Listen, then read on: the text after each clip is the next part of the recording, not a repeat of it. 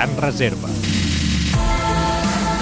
Avui fa 70 anys Eddy Merckx, el ciclista amb més títols de la història.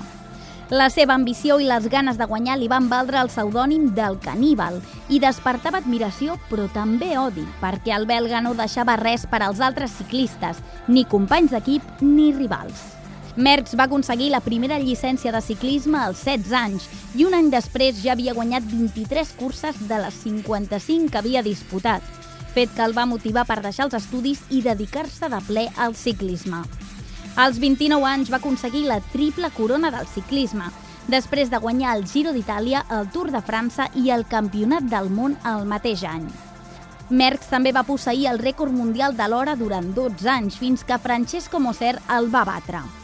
Merckx es va retirar als 33 anys i actualment dirigeix una fàbrica de bicicletes que porten el seu nom, entre d'altres negocis que va iniciar.